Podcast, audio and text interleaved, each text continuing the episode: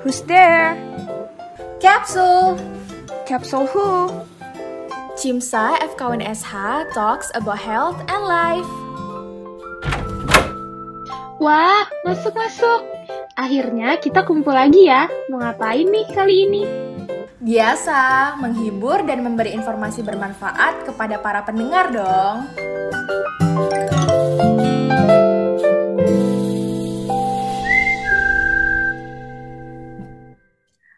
Assalamualaikum warahmatullahi wabarakatuh. Halo semuanya, apa kabar nih? Sehat-sehat nggak sih teman-teman semua akhir-akhir ini? Waalaikumsalam warahmatullahi wabarakatuh. Wah, halo Taya. Aku sendiri sehat sih, Alhamdulillah. Teman-teman yang lain sehat kan ya?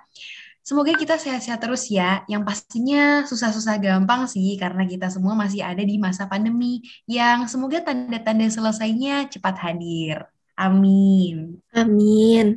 Wah, spesial banget nih episode kali ini. Jadi pada episode ini merupakan campaign kolaborasi antara Cimsa FKUIN SH dengan ICT SMKI Wilayah 2. Tapi sebelumnya kita kenalan dulu kali ya, Za. Oke, boleh. Halo teman-teman semua, perkenalkan aku Haza dari Sekretaris Bidang ICT ISMKI Wilayah 2. Dan perkenalkan juga aku Ataya Talisa selaku Local Public Health Officer Cimsa FKUIN SH. Bahasan kali ini bakal seru banget karena kita akan mengulik banyak hal tentang tuberkulosis dengan tema Stop Smoking to Prevent Tuberculosis bersama narasumber yang sudah sangat ahli di bidangnya. Hmm, pandemi ini TB pun masih ada. Wah, kayak kita nggak bisa diem terus ya. Sebagai mahasiswa kedokteran ataupun masyarakat umum, pasti kita punya perannya masing-masing nggak sih? Bener banget, Taya. Untuk itu kita harus tahu dulu nih, apa aja hal-hal penting yang harus kita ketahui dan perkembangan seputar tuberkulosis. Saat ini kita juga sudah bersama Dr. Rosa Marlina, spesialis paru konsulen. Selamat malam, dokter. Selamat, Selamat malam, dok. Selamat malam. Iya, bagaimana dokter kabarnya hari ini? Sedang apa sih ini dok hari ini kesibukannya? Ya, alhamdulillah sehat. Baru pulang. Baru pulang. Baru selesai dari kegiatan hari ini ya, Dok ya? Ya, benar. Kegiatan seperti biasa. Pagi-pagi ke rumah sakit. Selesai Wah, pulang. lumayan padat ya, dok. Baik, dokter. dokter. Karena tak kenal maka tak sayang, pendengar juga ingin lebih tahu tentang dokter. Kami persilahkan dokter Rosa untuk kenalan dulu, dokter. Ya, saya Dr. Rosa Marlina, spesialis paru. Biasanya saya bekerja di Rumah Sakit Penyakit Infeksi Rumah Sakit Suryanti Saroso. Mungkin itu yang dapat saya kenalkan. Wah, salam kenal dokter. Baik, kali ini Dokter Rosa Marlina bersama kami akan menemani teman-teman semua selama kurang lebih 60 menit ke depan. Sebenarnya kita bakal bahas apa aja sih, Taya? Oke, Haza. Jadi sebenarnya tanggal 24 kemarin itu kita ada hari yang spesial nih, yaitu Hari Tuberkulosis Sedunia. Nah, buat para pendengar yang sebenarnya masih penasaran, apa sih tuberkulosis itu? Mungkin kita langsung tanyakan aja ya Haza ke Dokter Rosa sebagai pakarnya. Ya, tuberkulosis itu adalah salah satu penyakit infeksi menular langsung yang disebabkan oleh kuman namanya kuman Mycobacterium tuberculosis. Pertama kali ditemukan oleh Robert Koch, eh, seorang ahli dari Jerman pada tanggal 24 Maret 1889. Sejak dia menemukan kuman Mycobacterium itulah makanya Hari Tuberkulosis Sedunia dicanangkan. Ya, uh, sejak ditemukan uh, kuman kubur uh, kuman tuberkulosis oleh Robert Koch ini itu menyatakan bahwa uh, TBC adalah penyakit yang disebabkan oleh infeksi. Uh, sedangkan selama ini dianggap adalah uh, TBC itu adalah penyakit keturunan dari orang tua kepada anaknya. Begitu. Jadi Robert Koch ini sangat berperan dalam perkembangan penyakit TBC di dunia. Wah, baik dokter. Uh, untuk tuberkulosis ini berarti disebabkan oleh bakteri Myco Mycobacterium tuberculosis ya dok. Nah, kemudian melihat dari datanya dok, bagaimana ya dok prevalensi tuberkulosis saat ini, terutama di Indonesia? Ya, uh, tuberkulosis di Indonesia kita adalah masih menduduki peringkat uh, tahun ini adalah peringkat ketiga uh, di seluruh dunia setelah India dan Cina. Tahun sebelumnya kita menduduki peringkat kedua, jadi tahun ini kita turun satu peringkat. Tahun ini kita menduduki peringkat ketiga. Mudah-mudahan semakin tahun kita semakin menurun peringkatnya. Berarti prevalensi kuman uh, penyakit TBC di Indonesia juga makin menurun. Wah, ngeri juga ya dok ya peringkat ketiga. Tapi alhamdulillah mulai mengalami penurunan. Um, dan semoga semakin turun juga sih.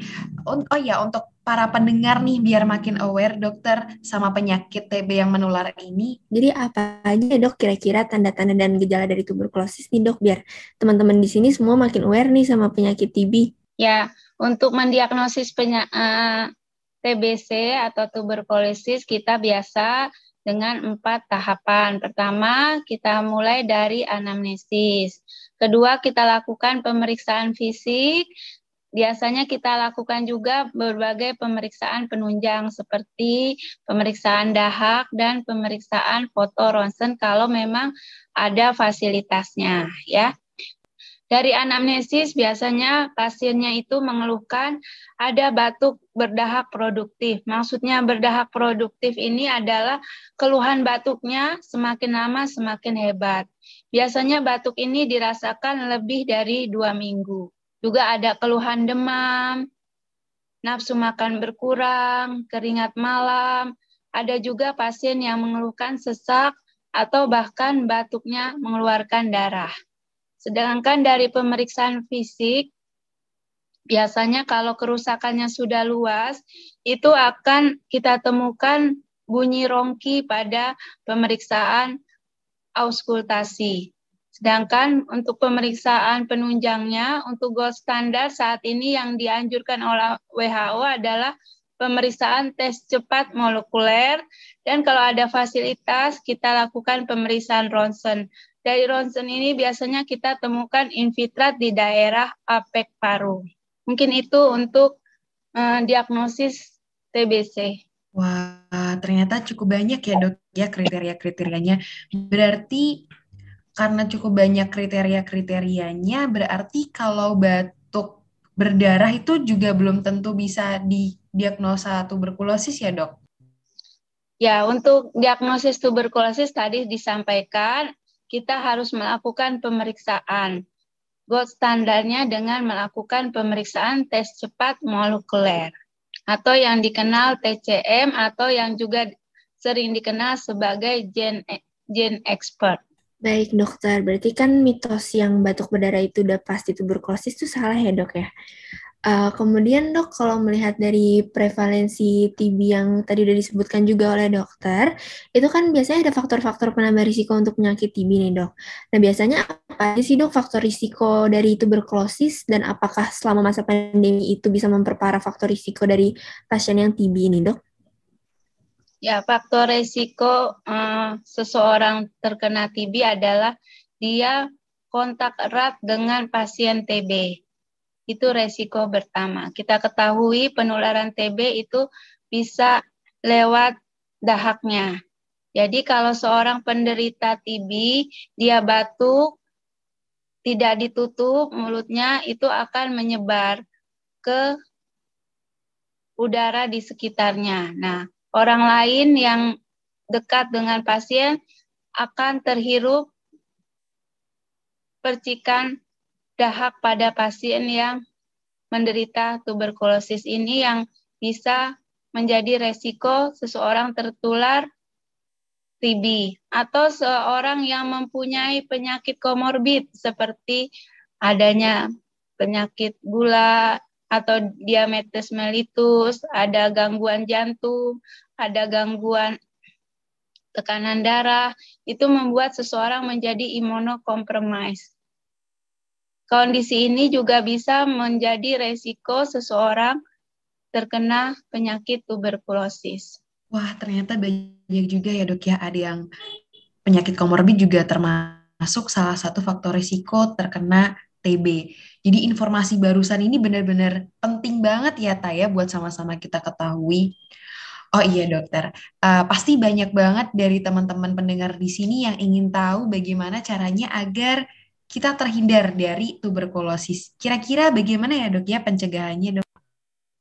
Ya pencegahannya tadi kita yang terutama kita harus menghindari uh, yang pertama kalau kita lihat adalah penderitanya dulu. Jadi penderitanya harus benar-benar ketika batuk dia harus menutup um, mulutnya agar dahaknya tidak menyebar. Itu yang utama. Pasien TB-nya sendiri. Sedangkan kita untuk pencegahannya adalah menjaga daya tahan tubuh kita. Jadi seperti kita ketahui Indonesia adalah daerah endemik TB. Ya. Jadi kalau dilihat ham, setiap tahun penderita TB terus bertambah sehingga penularannya cukup tinggi. Dengan meningkatkan daya tahan tubuh kita membuat kuman-kuman TB yang masuk ke dalam tubuh kita akan dilawan oleh daya tahan tubuh kita sehingga tidak menimbulkan penyakit. Itu mungkin untuk menghindari dari penyakit tuberkulosis. Wah, baik dok. Berarti uh, selain dari upaya-upaya seperti menjaga imun tubuh, kemudian uh, menghindari pasien TB, itu sebenarnya apa aja ya dok eh, tindakan preventif yang kami sebagai mahasiswa kedokteran dan juga masyarakat umum bisa lakukan agar sekeliling kita tuh lebih aware gitu dok sama TB saat ini? Ya, jadi kalau sekarang ada istilahnya namanya investigasi kontak. Jadi apabila di rumah ada penderita TB, itu akan diperiksa uh, orang serumahnya, terutama anak yang kurang dari lima tahun. Jadi dilakukan pemeriksaan apakah um, mereka juga sudah tertular uh, sudah tertular TB. Itu biasanya dilakukan pemeriksaan tes cepat molekuler. Jadi kalau memang ada di sekitarnya yang ada keluhan ke arah TB seperti tadi batuk, sesak, demam, itu langsung dilakukan pemeriksaan dahak agar lebih cepat diobati sehingga penularannya juga jadi bisa lebih rendah. Wah, banyak juga ya dok ya. Semua lini umur dari orang-orang yang terjangkit sampai yang enggak juga ada pencegahannya sendiri ya dok ya. Boleh dicatat nih teman-teman buat mencegah tuberkulosis.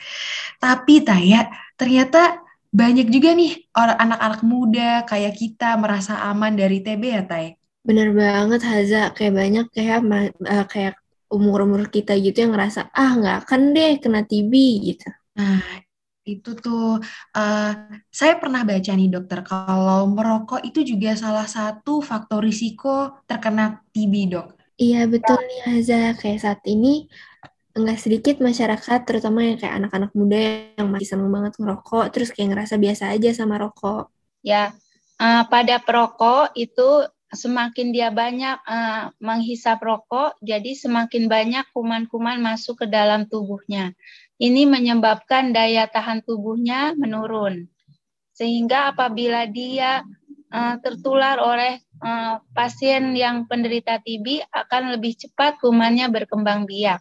Jadi merokok itu bukan faktor langsung untuk menyebabkan seseorang menderita TB, tapi faktor sekunder dengan menurunnya daya tahan tubuh pasti, uh, perokok tersebut. Wah, ngeri juga ya, Taya ya. Iya, serem juga ya, Zah. Ternyata uh, faktor risiko dari merokok. Kalau dari apa yang sering dokter temukan, biasanya apa aja sih dok bahaya dari merokok? Ya, yang kita ketahui merokok eh, kalau dulu kita belajar mungkin di SD atau di SMP satu batang rokok itu semuanya dari ujung atas sampai ujung bawah adalah racun ya. Jadi kalau racun itu kita menghisap rokok memasukkan racun ke dalam tubuh kita. Semakin banyak rokok kita hisap dan uh, dalam jangka waktu lama makin banyak kuman-kuman atau racun yang masuk ke dalam tubuh kita. Resiko perokok antara lain bisa ada menyebabkan gangguan jantung. Tadi uh, ada bisa menyebabkan TBC, kalau dari paru bisa menyebabkan penyakit uh, kronik seperti PPOK, gangguan ginjal juga bisa uh, disebabkan oleh rokok yang ujung-ujungnya juga bisa menyebabkan penyakit uh, stroke. Jadi banyak akibat uh, yang penyakit yang disebabkan oleh kebiasaan merokok. Makanya pemerintah kita itu melarang untuk merokok karena efek uh, efeknya terlalu banyak daripada manfaatnya. Wah, serem juga ya dok bahaya-bahaya dari merokok. Nah, dari dokter, apakah ada tips dok untuk pelan-pelan berhenti dari kecanduan merokok? Jadi untuk berhenti pengerokok, pengalaman saya yang utama adalah tekad dari diri sendiri. Ya, kalau kita memang bertekad untuk berhenti merokok, segera dilakukan. Kalau dipikir-dipikir lagi, lama-lama jadi tidak jadi berhenti ngerokoknya. Memang saat ini ada uh, terapi untuk berhenti merokok. Tapi dengan obat yang diberikan dalam terapi itu akan menimbulkan banyak gangguan pada tubuh kita. Karena eh, ketergantungan merokok itu yang eh, di di apa dilakukan untuk meng, eh, dalam terapi itu untuk mengurangi kebiasaan merokoknya. Yang lebih baik adalah memang dari tekad kita sendiri untuk berhenti merokok tanpa harus melalui terapi itu biasanya efeknya lebih bagus daripada uh, harus melalui terapi berhenti merokok. Wah, lumayan nih tipsnya bisa dicatat ya teman-teman untuk pelan-pelan uh, mulai mengurangi rokoknya. Oh iya dokter, ada yang pernah bilang nih ke saya kalau tuberkulosis itu genetik. Betul nggak ya dok? Dan adakah mitos-mitos lain yang mungkin dokter pernah dengar tentang tuberkulosis dok? Ya tadi sudah disampaikan di depan, memang sebelum ditemukan kuman tub, um, Mycobacterium tuberculosis oleh Robert Koch, itu um, kebanyakan menganggap bahwa TBC itu adalah penyakit keturunan.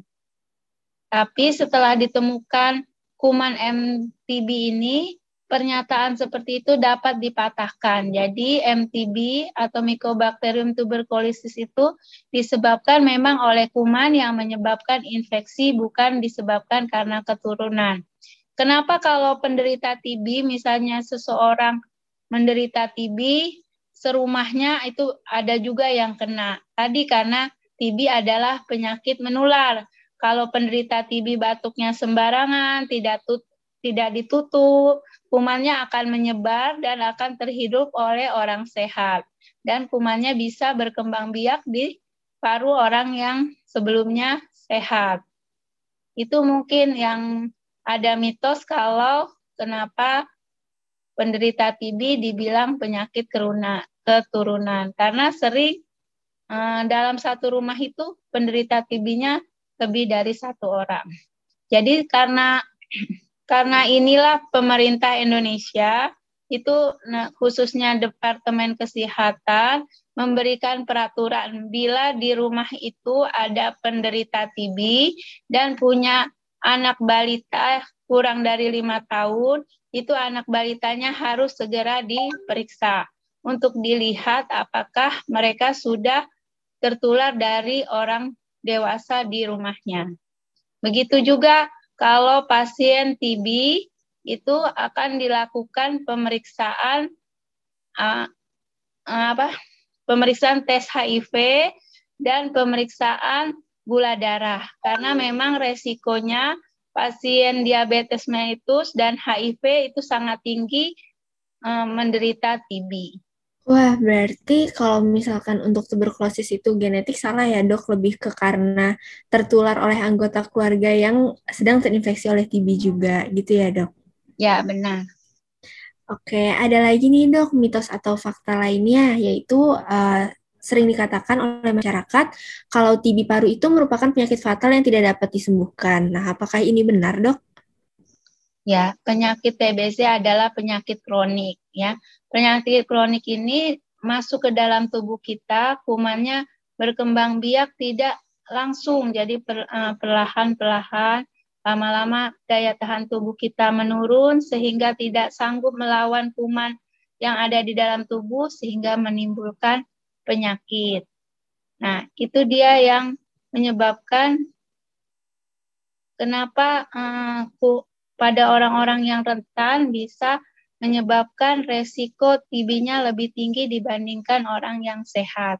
Wah, berarti ada ada faktor-faktor tertentu yang bikin ini jadi penyakit yang fatal dan tidak dan tidak di dan uh, menyebabkan keparahan ya dok ya. Gitu. Ya tadi yang uh, yang uh, yang ada mitos bahwa penyakit TB itu penyakit yang bisa menimbulkan keparahan itu memang benar karena banyak uh, masih ada stigma di masyarakat kita kalau penderita TB itu adalah penyakit yang memalukan. Jadi banyak masyarakat yang sudah batuk-batuk, dia tidak langsung berobat ke fasilitas kesehatan.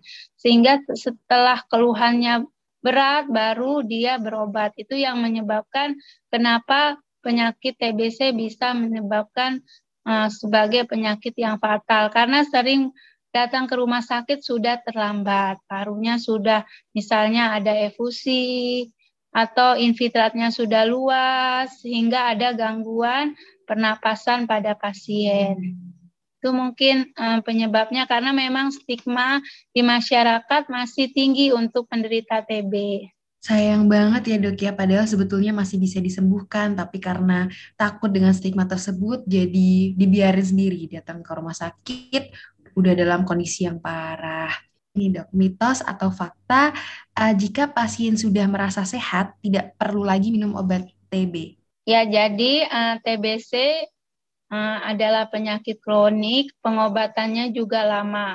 Jadi pasien uh, penyakit TBC ini dibagi dua golongan besar yaitu pasien TB yang sensitif obat dan pasien TB yang resisten obat.